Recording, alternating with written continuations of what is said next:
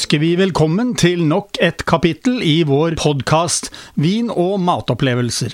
Som vi har gjort tidligere, vil vi tilby deg gode tips om mat og vin, ikke minst nyheter etter hvert som de kommer på Vinmonopolet. I tillegg til det vil vi ta spesielt for oss kombinasjoner av mat og drikke. Vær så god, det er servert. Ja, Harald, dette er en hvitvinsdag, og du har eh, skaffet oss en mengde forskjellige eh, typer sjømat. Og det bør jo passe veldig godt til eh, hvitvin, da. Ja, det gjør det. Definitivt. Her må det ikke noe rødt inn, altså. Den første vinen vi hadde på bordet, det var en Vagek Kalstein Riesling Trocken fra 2020. Altså, den er ikke gammel. Det er en ungdom. Det er en vin som er eh, ja, drøyt halvår gammel.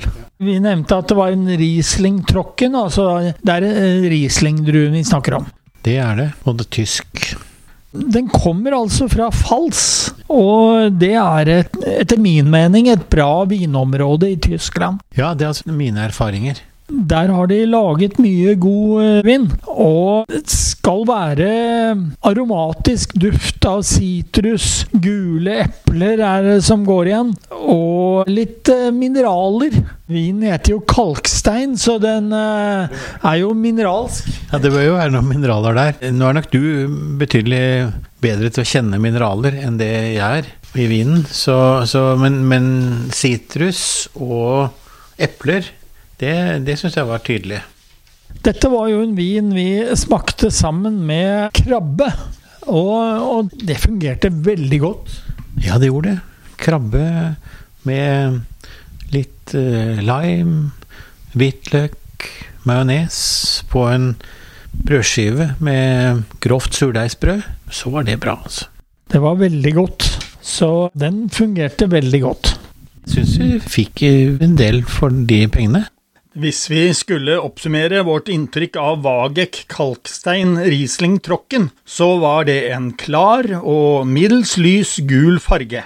Duften var fruktig med god intensitet, med preg av både eple og sitrus. Det var en tørr vin, smaken ganske fyldig og frisk, og fruktighet med preg av eple og sitrus der også. Den var ganske lang i ettersmaken og var litt mineralsk. Vinen var helt utmerket til krabbe, men vil være helt topp både som aperitiff og til annen sjømat. Du finner den på basisutvalget til 130 kroner. Da har vi forflyttet oss til Spania. Vi har forflyttet oss til eh, Rias Baisas, som det heter.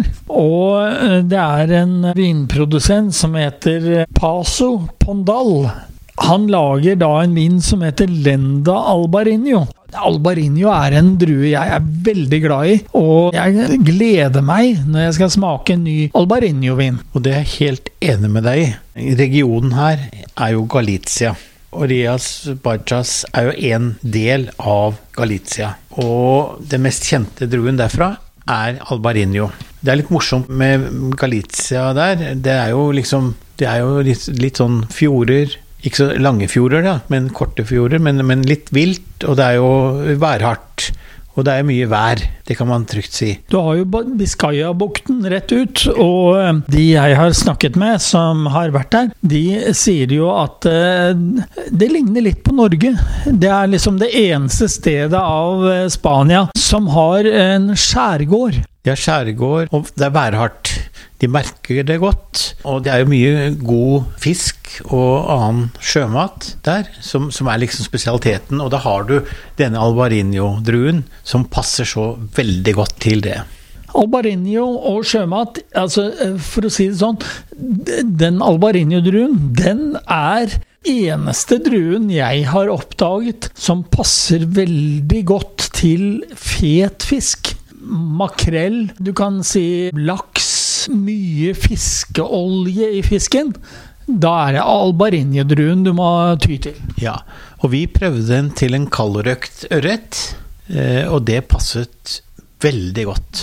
Og, og, ikke sant? Det, det? Albarinho-druen tar, tar sjømaten så utrolig godt. Og, og det er samtidig som den er en frisk, og det er mye smak i den.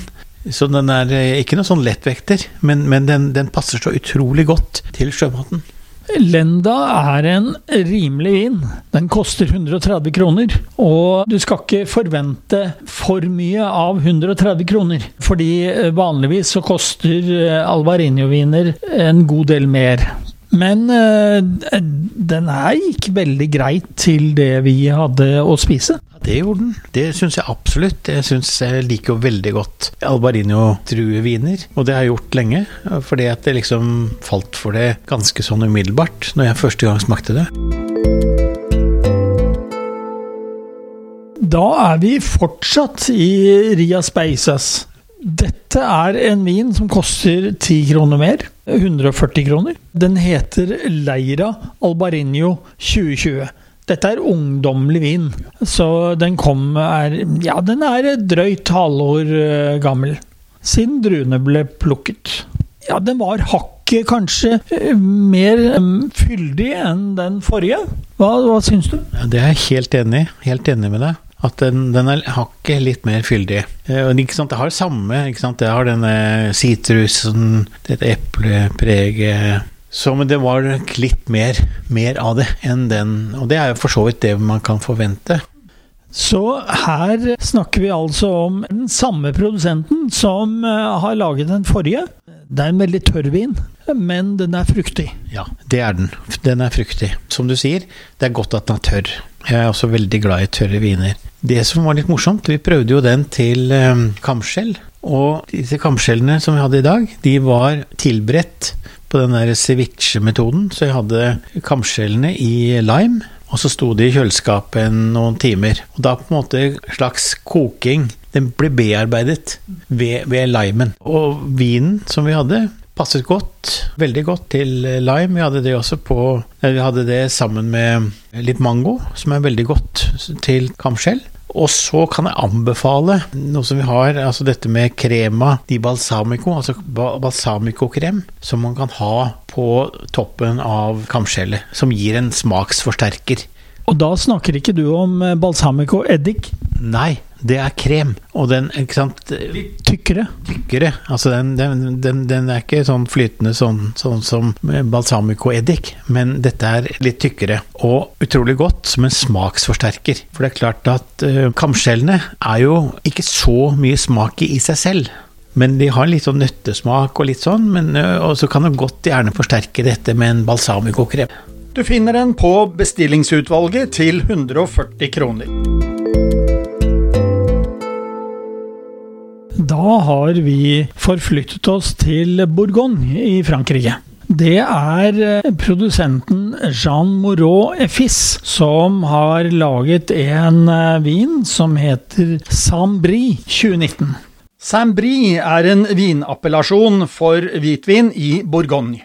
Den har fått navn etter landsbyen Saint-Brie-le-Vineux, som ligger noen få kilometer sørvest for Chablis-området. Vingårdene vi finner her er på rundt 100 hektar. Det som gjør Saint-Brie noe spesiell for Burgund, er at den er laget av Sauvignon Blanc-druer, med varianter av eh, Sauvignon Blanc og Sauvignon Gris, som begge er tillatt, i stedet for Chardonnay og Aligoté, som begge er druer godt innarbeidet i regionen. Saint-Brie er den eneste appellasjonen som tillater Sauvignon Blanc og Sauvignon Gris i vinene. Mens vinene viser typiske Sauvignon-aromaer, har de blitt karakterisert som mindre konsentrerte enn de Sauvignon Blanc-baserte vinene i den øvrige Loire-dalen, og særlig fra områdene Sancerre og Pouilly-Fumé. Og eh, hvordan eh, smakte den for deg? Jo, altså Førsteinntrykket mitt var at den, den, var litt snillere enn Alvarinhoen. Men jeg syns nok at den, den passet også passet, Når du fikk, fikk, den til mat, så kom den enda mer fram, syns jeg. Så den var god. Vi prøvde den vel til reker og blåskjell. Passet godt.